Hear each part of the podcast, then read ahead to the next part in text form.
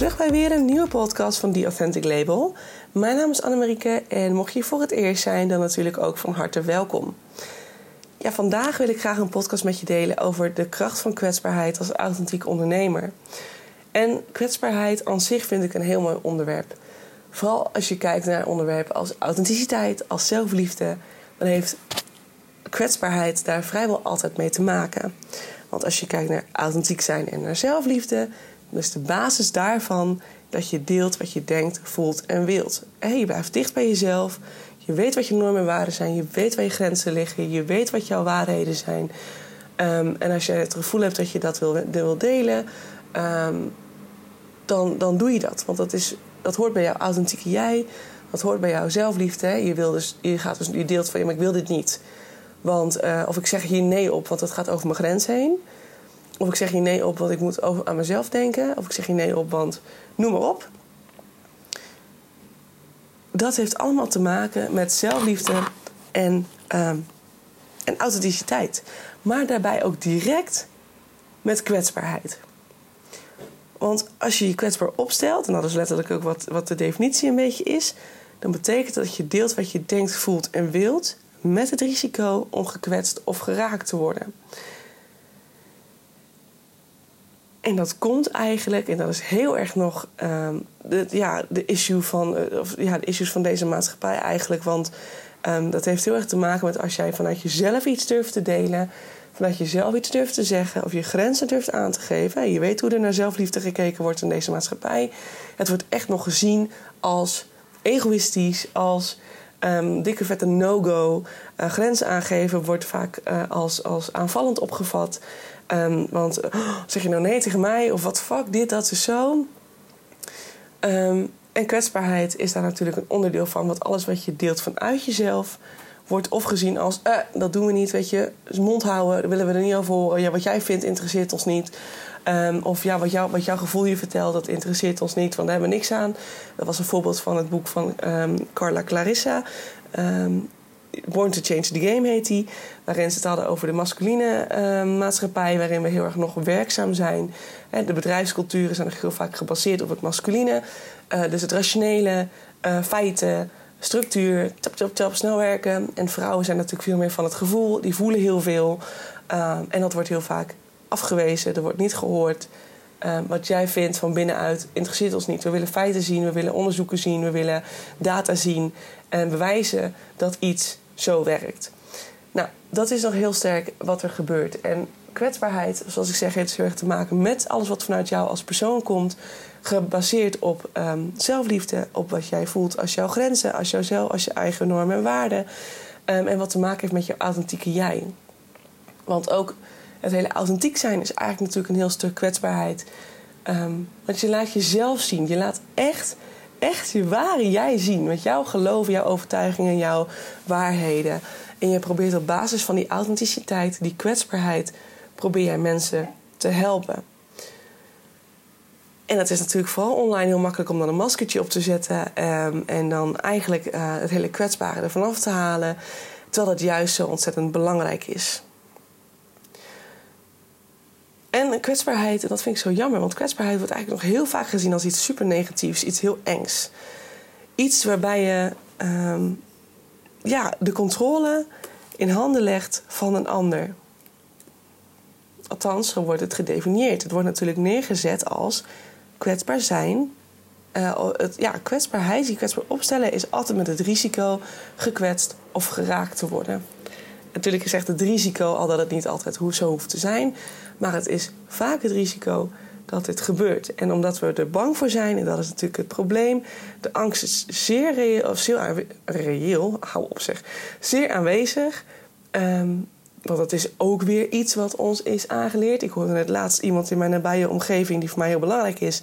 Die zei dat tegen mij: Anne, wat je nu doet is heel kwetsbaar. Doe dat niet. Want mensen gaan er wat van vinden en die ga je daarin ja, afstraffen. Weet ik hoe diegene dat toen zei.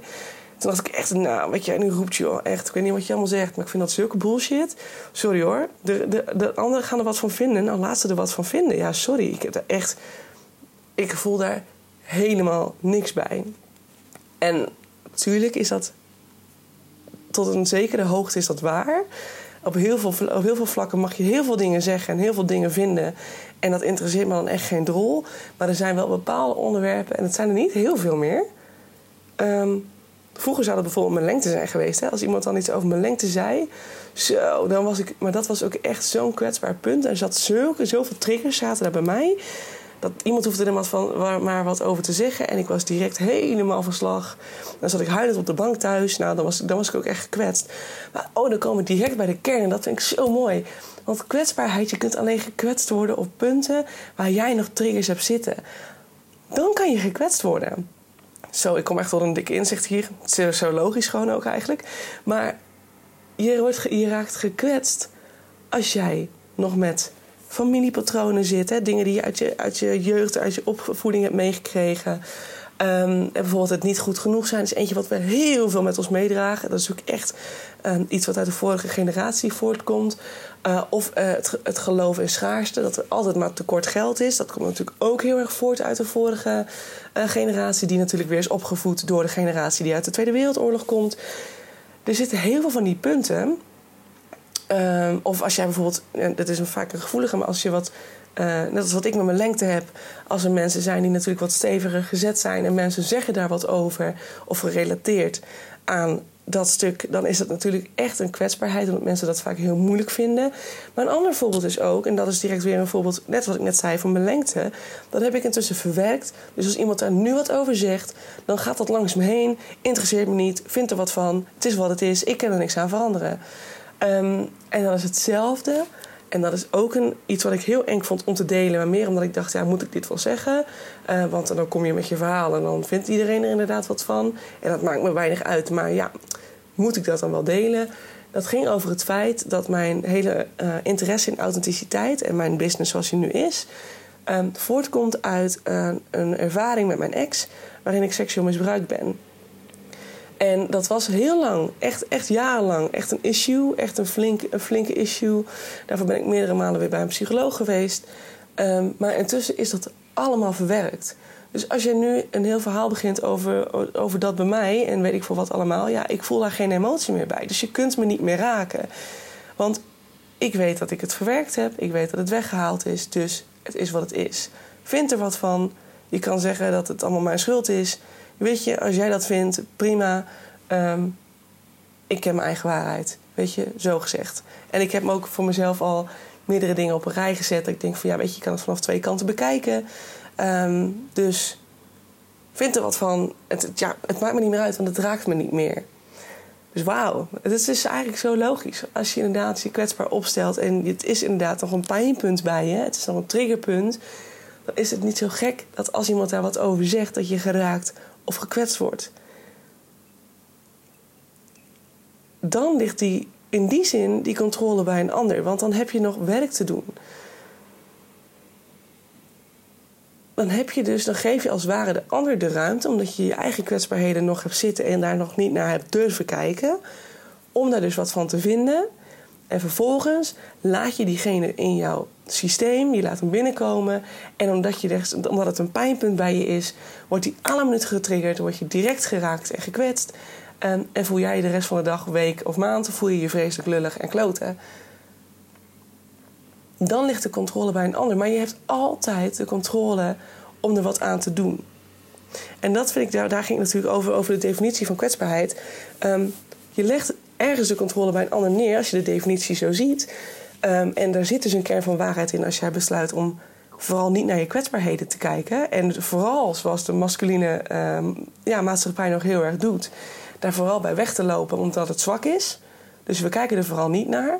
En Brene Brown zegt heel mooi in haar boek ook van, hè, dus ze heeft natuurlijk een boek geschreven over de kracht van kwetsbaarheid. En um, heb de moed om, om niet de perfecte of niet perfect te willen zijn, en zij omschrijft ook, als je blijft weglopen van die kwetsbaarheden, uiteindelijk kom je jezelf dan zo snoeihard tegen dat je veel en veel verder weg bent dan, dan als jij gewoon stuk voor stuk je kwetsbaarheden zou aankijken.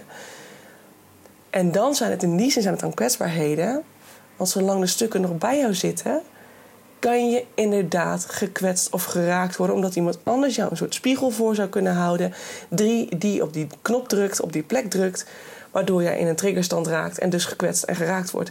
Maar is het dan de ander zijn schuld? Dat jij geraakt wordt? Of ligt dat dan bij jou? Ik denk dat dat laatste het geval is. Ik denk niet dat jij een ander mag blamen voor het feit dat jij gekwetst wordt. Als iemand iets over mijn lengte zegt, omdat iemand daar ja, iets van vindt, nou ja, weet je, ja, weet je, het is een feit natuurlijk. Ik ben gewoon, ik ben lang. Dus dat is dan niet zo gek dat iemand dat constateert. Ik vind wel dat je ergens een soort van respect moet hebben voor elkaar. En dat je het in principe niet hoort, hoort te hebben over iemands lichamelijke dingetjes. Hè. Zoals ik, zo, ik zeg ook niet tegen iemand, jezus, jij bent dik of zo. Nee, dat vind ik echt absoluut dikke vette no-go. En ook disrespect. Ik vind dat echt, dat vind ik niet respectvol naar een ander toe. Dat is met lengtes net zo. Want mensen hebben vaak niet eens in de gaten dat dat, uh, dat, dat voor sommige mensen heel erg iets naars is. En als je constateert dat iemand heel lang is. Ja, dat weet ik zelf ook wel. Je hebt ook een pukkel op je neus. Ja, hoor je mij dat zeggen? Ja, dat zeg ik toch niet tegen je. Dat is er ook iets wat... Ja, dat, je weet dat het er zit. Nou ja, dan, dan iemand heeft dat te accepteren en that's it, weet je. Maar zolang het dus nog een triggerpunt bij je is... kan je dus gekwetst worden. Maar dan alsnog, en ik denk dus dat ik daar dus lichtelijk op terugkom... De controle ligt dus helemaal niet bij een ander. Op geen enkel, geen enkel gebied. Dus die hele definitie van het risico om gekwetst of geraakt te worden, dat klinkt als alsof je hem bij een ander neerlegt, maar uiteindelijk heb je het dus helemaal zelf in de hand. En zie het eigenlijk ook in die zin, stel dat je gekwetst wordt op een bepaald gebied, zie het dus eigenlijk als een soort van moment dat je denkt van... oh, wauw, dankjewel dat je me het even laat zien. Want dan zit er dus iets bij mij wat niet helemaal lekker werkt... Um, waar ik dus naar mag kijken. Want er zit dus een triggerpunt bij mij... waardoor ik nu gekwetst en geraakt word. En dat doe jij niet opzettelijk.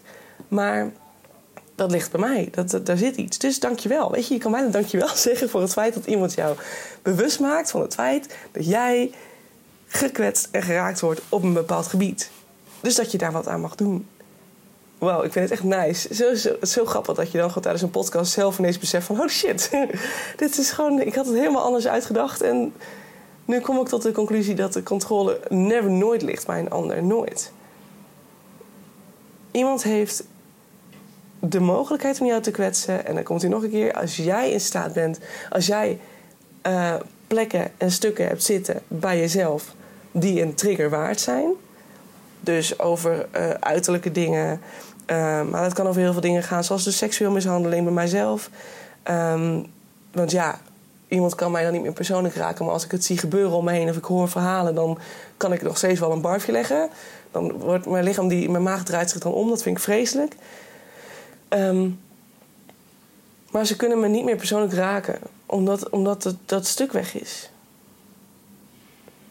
Dus dan kan jij gekwetst worden. Maar als jij eigenlijk helemaal oké bent met jezelf. En je hebt al je stukken heb je aangekeken. Je hebt volledige zelfliefde ontwikkeld. Je bent volledig authentiek en je staat erachter. Je staat achter het feit dat dit is wie je bent. En dat je dat niet gaat veranderen voor wie dan ook. Dan kunnen nog zoveel mensen iets tegen je zeggen. Maar dan interesseert je dat niet meer. Het is dan aan jou de keuze of je daar iets mee doet, ja of nee. En mijn hoofd gaat intussen echt alle kanten op van ja, maar zeg ik dat nou goed? Klopt het nou? Want ik heb natuurlijk heel veel, ik heb natuurlijk mijn eigen voorbeelden heb ik natuurlijk hè, over in het ondernemerschap en in mijn persoonlijke ontwikkelingen van de afgelopen zes jaar. Want ik heb persoonlijk dus ook veel meegemaakt. Luister podcast 2 als je dat wil horen. Um, maar dan denk ik aan het bedrijfsleven. Dan denk ik, ja, is dat dan wel zo kort door de bocht gezegd? En misschien mis ik iets. Weet je, ik heb natuurlijk ook de waarheden niet allemaal in pacht ik deel natuurlijk ook maar gewoon mijn eigen ervaringen, mijn eigen inzichten. Um, dus jij kan daar natuurlijk ook anders over denken. Dan is dat natuurlijk ook oké. Um, zolang het maar ergens wel op gebaseerd is. Ik vind natuurlijk altijd iets roepen, vind ik altijd één. Maar zoals ik zeg, ik ben natuurlijk ook academisch opgeleid. Dus ik vind het wel interessant om ergens de feiten te verzamelen. Um, dus ja, dat is altijd wel belangrijk dat als je iets roept, dat je dat ergens ook kunt onderbouwen. Maar het klinkt eigenlijk vrij logisch, toch, als ik het zo noem. En ik zit dus te denken aan het bedrijfsleven. Van, is het daadwerkelijk waar dat als jij in een grote corporate zou werken... en je zou zeggen van nee, ik kan dit niet meer. Ik kan dit er niet meer bij hebben, het is te veel werk. Dus ik stop vanaf hier. Dit is, dit is wat ik kan doen en daar is, daar is mijn grens. Want dan is het natuurlijk vaak ook dat mensen een soort van angst creëren van ja, maar wat als ik dus nee zeg? Oh my god, mensen gaan er wat van vinden. Ik kan misschien ontslagen worden. Uh, mensen die vinden me niet meer aardig. Uh, bla. Maar de waarheid is uiteindelijk dat al die angsten helemaal niet gebeuren. En dan komt eigenlijk heel mooi het gezegde van mijn moeder naar voren, die zij heel vaak tegen mij gezegd heeft. Um, die echt erin geramd zit gewoon door de afgelopen jaren. En zij zegt altijd, en deze moet je bijna opschrijven, onthoud hem. Een mens lijdt dikwijls het meest om het lijden dat hij vreest, maar nimmer opkomt dagen. De wijze woorden van mijn moeder. Een mens lijdt dikwijls het meest om het lijden dat hij vreest, maar nimmer opkomt dagen. Is toch mooi? Dat, je, dat we eigenlijk het meeste lijden door de angsten die we, uh, dat, door de angsten die we voelen voor het mogelijke lijden dat we kunnen krijgen. Als we bijvoorbeeld grenzen aangeven, als we bijvoorbeeld um, ja, dicht bij onszelf blijven, als we weigeren onszelf aan te passen aan bepaalde dingen. Dat we dan, dat we dan eigenlijk lijden om, om, om de angst van wat er mogelijk zou kunnen gebeuren als wij dat zouden doen. Wat gaat iemand daarvan vinden? Het moet je eigenlijk helemaal geen zak uitmaken wat iemand daarvan vindt. Als iemand besluit om op basis van het feit dat jij je grens aangeeft en die zegt tegen jou: je bent ontslagen. Ik zou echt met een, met een, een, een, met een enorme hoeveelheid aan ballonnen en een, een zou ik die, zou ik die deur uitlopen. Want in hoeverre is diegene jou dan waard? Als diegene jou helemaal niet respecteert en jouw grenzen niet respecteert. Eigenlijk is het echt wel een heel mooi onderwerp, hè? kwetsbaarheid. En je kan er zoveel over vertellen, zoveel over vinden. En, eh, en voor iedereen is het natuurlijk weer anders. Ik denk als je zelf heel erg nog in je begin staat van je eigen proces, je eigen persoonlijke proces, dat je echt denkt van ja, jij hebt echt makkelijk praten, jongen. Waar heb je het over? Want ik zie dat helemaal niet zo. Ik word onder havenklap geraakt. Uh, echt en ik vind het super eng om dat te doen. Hoe laat ik die angsten dan los? Nou, dan verwijs ik je direct terug naar mijn eerdere podcast, podcast 5. En ik ga direct even kijken welke podcast dat nog meer was. Podcast 12. Podcast 5 is dus een angst. Eh, daar kan je beide podcasts gaan over het, over het weghalen van je angsten, van je blokkades en je negatieve overtuigingen. Je triggers dus. Dus waarop mensen je kunnen kwetsen. En podcast 5 gaat heel specifiek ook. Die gaat heel diep. En die is ook wat spiritueler. Dat gaat heel erg over energie en dat soort dingen. Um, maar die kan trauma's bij jou weghalen. Die is in staat, die oefening is in staat, als jij echt goed terug kunt gaan en, en het opnieuw kunt ervaren, de emotie er kunt laten zijn en het dan weghaalt bij jezelf, definitief. Dan zul je zien dat die traumatriggers, die angsten, die, die, hele, die, die echt ontzettend diep zitten, die kan je bij jezelf weghalen. En elke keer kan het zijn dat er, of elke keer, het kan natuurlijk zomaar zijn dat er een keer weer een, soort flatje naar voren komt en je weer iets ziet. Um, dat je denkt, maar dat had ik toch weggehaald. En soms zit het zo diep dat het meerdere malen nodig heeft. Maar je zult zien dat je langzaam maar zeker bij de kern komt en hem dan kunt weghalen bij jezelf. Daar gaat podcast 5 over. Die is echt voor de hele diepe stukken. En sowieso kan je het met alles doen. Als jij zoiets hebt van ik heb een, een oppervlakkige angst, maar die zit me steeds in de weg. Dan kan je oefening 5 ook toepassen. Plus oefening 5 is vrij snel. Dus je kunt hem in nou, 10 minuten tot een half uurtje kun je hem doen. Um, en je doet hem eenmalig. En dan zul je al na twee, drie dagen zul je resultaten zien. Um, of je kunt oefening 12, of van podcast 12 kun je toepassen. Um, en dat is een nuchtere variant waarbij je je verhaal gaat herschrijven. En die ook dagelijks meerdere malen bij jezelf moet herhalen. Dus je moet dat verhaal steeds weer opnieuw lezen. Dus die oefening vraagt meer tijd, um, meer aandacht, meer inspanning. Um, maar uiteindelijk zul je ook zien dat je jezelf ook een nieuwe overtuiging aan kunt leren. Dus het is dan niet alleen het weghalen en het shiften van bepaalde angsten, overtuigingen, negatieve emoties, weet ik veel wat. Maar dat gaat dan ook heel veel over uh, jezelf het aanleren van een nieuwe overtuiging. Een, een, ja, een positieve variant, zeg maar. Dus zo kan je dan met jezelf aan de slag. Je bent niet het slachtoffer in jouw leven. Je bent niet het slachtoffer van iemand anders. Jij bent in staat om gewoon je eigen krachtige jij te zijn. En dat mag gewoon. En daar mag iedereen wat van vinden. Maar zolang jij met jouw zelfliefde sterk staat, ja, dan kan je van alles willen. Maar dan, of iemand anders kan van alles willen, maar dan, dan komen ze niet meer doorheen. Dus jij bent jij en jij blijft dicht bij jezelf. Jij blijft in je eigen bubbel. Zoals ik dat mooi omschreef bij de podcast over zelfliefde. Zo zie ik het echt. Een bubbel waarin je eigen gewoon je, een, soort van, een soort van wandje tussen de anderen hebt. En dat je zoiets hebt van, nou ja, iedereen die wat zegt en wat vindt. Hetgeen waar ik wat, ik wat mee kan, dat neem ik aan. Dat, dat laat ik binnen. Daar doe ik wat mee. Dat laat ik verwerken. En daar, daar, daar ja, maak ik weer een eigen variant van. Maar ehm, iemand die iets zegt wat voor mij alleen maar kwetsbaar is... of iemand die mij probeert onderuit te schoppen door te zeggen van... hé, hey, lange slungel, even op mij, hè, mijn voorbeeld. Als iemand vroeger zou ik echt per direct hebben staan janken... als iemand dat tegen me gezegd zou hebben. Uh, lange slungel of weet ik veel wat, noem maar... Noem maar wat op, noem maar, noem de lelijkste woorden op die je kunt verzinnen. Um, vroeger had het me geraakt, nu niet meer. Want je cannot, dat, dat kan niet meer. Je kunt die knop niet meer indrukken. Je kunt die pijn niet meer indrukken bij mij, want hij is er niet meer. Die pijn heb ik heerlijk uitgevlakt. Zo, weet je wel? Dat, ik zie dat helemaal voor me als een soort deuk. Een deukje in je, in je eigen uh, systeem. Hoe zeg je dat? Als je gewoon zie je huid voor je en druk daar eens een deukje in. En dan zie je het voor je als een soort van rood deukje, wat dan een pijnpunt voor. Nou, zo'n blauwe plek eigenlijk. Nou, dat is veel beter. Maak ik helemaal een moeilijk verhaal van. Een blauwe plek waar je dan op drukt, die blauwe plek is er niet meer. Dus je kan drukken wat je wil. You cannot get me, want het raakt me niet meer. Zo.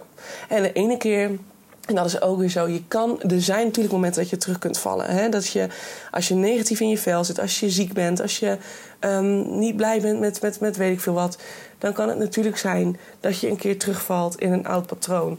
Uh, en dat is ook niet erg, want we zijn en blijven mensen. Maar wees je er dus bewust van. Wees alert, wees je bewust van het feit wat er gebeurt. Um, zodat je daarop kunt anticiperen. Um, en wat dan vaak het beste is, dat wil je direct meegeven. Als je het gevoel hebt dat je niet lekker in je vel zit en dus teruggaat in een soort negatieve spiraal. Weet dan dat het me-time tijd is. Gun dan jezelf de rust. Maak het jezelf zo comfortabel mogelijk. Ga een veel good film kijken. Gun jezelf dat maskertje, een lekker stukje chocola. Laat alles wat, wat je moet van jezelf, laat het los. En probeer gewoon weer eventjes wat blijer te worden. En wat dan ook heel vaak helpt, is niet alleen de me-time. Uh, en vaak als je heel moe bent en verdrietig bent en niet lekker in je vel zit, dan zijn, um, is een dankbaarheidsoefening, want die wilde ik je nou tippen, is dan vaak niet de oplossing. Want daar, kan je, daar, daar staat je hoofd dan helemaal niet naar. Dus je kunt er van alles proberen te gaan opdreunen, maar dat werkt toch niet. Dus laat emotie er dan zijn. Vaak weet je ook wel van oké, ik voel me vandaag gewoon even brug. Morgen is een nieuwe dag, ik ga vanavond goed slapen. Ik laat nu de emotie er zijn en dan ga ik morgen proberen als ik wakker word probeer ik mezelf de intentie te geven van oké, vandaag ga ik positief van start. En ik begin met een dankbaarheidsoefening. En wat een dankbaarheidsoefening is, is simpelweg drie dingen of vier of vijf dingen voor jezelf opschrijven of opnoemen waar je dankbaar voor bent. En dat kan al heel snel. Want je kan zeggen van ik ben dankbaar voor het zonnetje dat schijnt vandaag.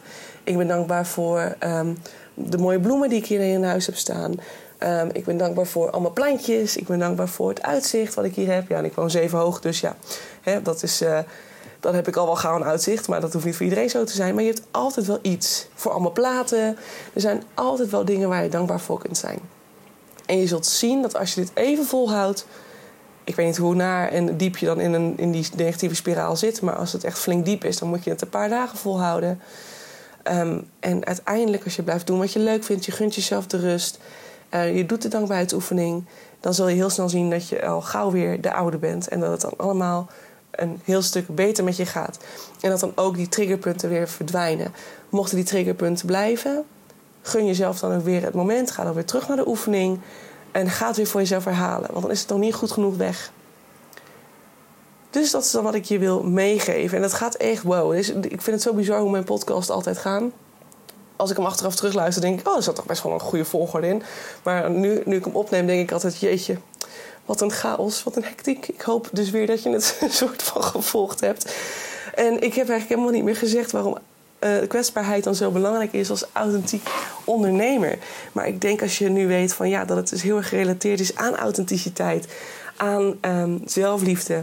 Um, aan dicht bij jezelf blijven in alles wat je doet. En dan ook weer in de herinnering dat de waarheid van een ander niet jouw waarheid hoeft te zijn. Dat het kwetsbaar zijn helemaal niet eng is. Zolang jij de, controle bij jezelf houdt en een ander niet de toestemming geeft om daar iets aan te doen. Dus jou, dat, dat je de ander niet de, kracht geeft uh, of de, de macht geeft om jou te raken. Nogmaals, als het gebeurt, be thankful, weet je. Wees dankbaar dat diegene jou eigenlijk een soort spiegel voorhoudt. Dat jij dus daar een stuk hebt zitten waar je naar mag kijken. En dan weet je ook, het gebeurt me nu één keer, niet nog een keer. Maar het is dus niet per se iets negatiefs. Kwetsbaar zijn is gewoon super mooi. Want hoe fijn is het als jij gewoon helemaal jezelf kunt zijn? No matter what. weet je, wat een ander er ook van vindt. Dat is toch super? Ik zie dat echt als een fantastisch ideaalbeeld gewoon. Zo is het voor mij gewoon echt perfect. Dus ja, weet je. En nogmaals, als je een keer in een negatieve spiraal zit... Het is niet erg. Het hoort bij het mens zijn. Laat het gebeuren. Laat het gewoon even zijn. En ga daarna weer met jezelf aan de slag. Om weer in die positieve vibe te komen. Door dankbaarheidsoefeningen, mediteren of een ademhalingsoefening kan heel goed helpen. Um, visualisatie doe ik de laatste tijd heel vaak. Uh, en dan visualiseer ik een soort ideaalbeeld van waar ik ooit zou willen zijn. En het liefst nu al zou willen zijn. Um, en daar word ik dan heel vrolijk van. En dan denk ik alleen maar aan dingen die, die ik echt heel graag zou willen. En dan word ik instant happy. Dus dat, dat werkt ook heel goed. Um, ja, en waarom dit als authentiek ondernemer zo belangrijk is? Nou ja, het zegt het al genoeg. Jij bent een authentiek ondernemer. Hoe wil jij authentiek zijn als jij je kwetsbaarheid wegduwt? Dat kan toch niet? Plus, wees er vooral niet bang voor. Want je kunt heel goed kwetsbaar zijn. Dus zonder dat er iemand hoeft te zijn die jou daarop gaat, gaat lopen, op je blauwe plekken gaat lopen duwen. Zolang ze de, ja, weet je, dat, dat, dat nee. Het is gewoon alleen maar mooi. Want authentiek zijn, als jij authentiek durft te zijn in jouw, um, in jouw business, in alles wat je doet, dan zul je ook zien dat jouw bedrijf dus perfect aansluit bij wie jij bent. Dus je zult heel veel geluk en, en, en ja, je zult gewoon heel veel plezier ervaren in alles wat je doet. Want je bent alleen maar dingen aan het doen die perfect matchen bij wie jij bent. Dat is echt, dat is echt fantastisch. Dat is natuurlijk een super fijn iets. Um, daarnaast doordat je je kwetsbaarheid durft te tonen, doordat je je verhaal durft te delen, of we nou hebben over online zichtbaarheid of in, in offline marketing, face-to-face contact met mensen, het maakt allemaal niet uit. Maar mensen zullen direct een bepaald, die zullen direct zien van kijk, dit is ook een persoon, weet je? Deze persoon die is in staat om, om kwetsbaar te zijn. Dus ik durf dan ook allereerst mijn eigen kwetsbaarheid bij diegene te laten zien, want diegene is ook kwetsbaar naar mij toe. Dus ik hoef niet bang te zijn om om mijn innerlijk ik, hè, mijn, mijn kwetsbare stukken, om dat te laten zien aan de ander. Want it's a safe space. Diegene die deelt het ook met mij. Dus er is een bepaald wederzijds vertrouwen hier. En dat niet alleen, maar het trekt ook direct de aandacht van... hé hey joh, kijk nou. Waar veel mensen allemaal een masker dragen online... deelt deze persoon wel uh, um, zijn haar kwetsbaarheden. Dus het is ook direct een bepaalde trigger weer voor de ander... van hé, hey, het voelt... Het is, het, is, het, er is iemand die mij, die, die mij begrijpt, want ik heb zelf ook dingen meegemaakt. Die overeenkomen met de ervaringen van deze persoon. Dus het heeft, het heeft uiteindelijk alleen maar heel veel positieve dingen. Dus de angst die er omheen zit om, kwetsbaar te zijn, dat is nog zo'n stuk. Het is zo'n mythe dat het zwak is, dat het eng is. Um, het emotioneel, dat hoort erbij. Je, het hoort erbij dat je je af en toe gewoon even kloten voelt. Laat dat er ook zijn. Wees je daar gewoon bewust van. Het is niet eng. Het is niet eng om je even lach te voelen. We vinden het niet leuk, maar het hoort erbij. En wat ik eigenlijk altijd zo mooi zeg: emoties uh, en tranen in die zin. Vooral de tranen zelf. Dus echt het even laten zijn van die emoties. Dat zijn de wasmachine van de ziel. Dat vind ik echt heel mooi altijd. Want als ik gehuild heb, voel ik me daarna een stuk lichter. Het hoort allemaal bij de verwerking. Wees oké met jezelf. Laat jezelf toe om te huilen als het moet. En dan is het gewoon allemaal lekker, kwetsbaar, authentiek en vol zelfliefde. Oké, goed verhaal. Nou, in ieder geval, ik heb hem echt alweer veel te lang. Ik wilde hem echt in een kwartier houden. Het is een half uur, jee. Um, ik ga kijken of ik hem nog een beetje kan knippen voor je. Maar anders hou ik hem hierbij. En um, ik hoop gewoon heel erg dat je er toch wat aan gehad hebt. En dat je voor jezelf misschien een, ja, vanuit een ander oogpunt naar kwetsbaarheid gaat kijken. Um, dat je niet bang bent. En het ook gewoon durf toe te laten. Wees kwetsbaar, durf het te zijn, durf authentiek te zijn. Want je beperkt jezelf alleen maar als je dat niet doet. En dat is niet wat je wil in dit leven, toch? Je wil er toch gewoon 100% van kunnen genieten? Nou dan. Dat dacht ik. Um, dus nou ja, goed. Hey, ik wil je heel erg danken voor het luisteren. Deel de podcast met anderen. Als je denkt, yo, deze moet hem ook even zeker horen, want die heeft hier vast wat aan. Deel hem dan vooral, want zo help je de ander groeien. En zo help je mijn podcast natuurlijk ook groeien. Want dan kunnen nog meer mensen mijn nou ja, inzichten en, en ja, verhalen horen. En dat vind ik alleen maar heel erg fijn als dat kan. Dus uh, nou ja, in ieder geval, thanks alvast. En uh, dan hoop ik je natuurlijk heel graag weer te zien bij de volgende podcast. Hey, doei doei!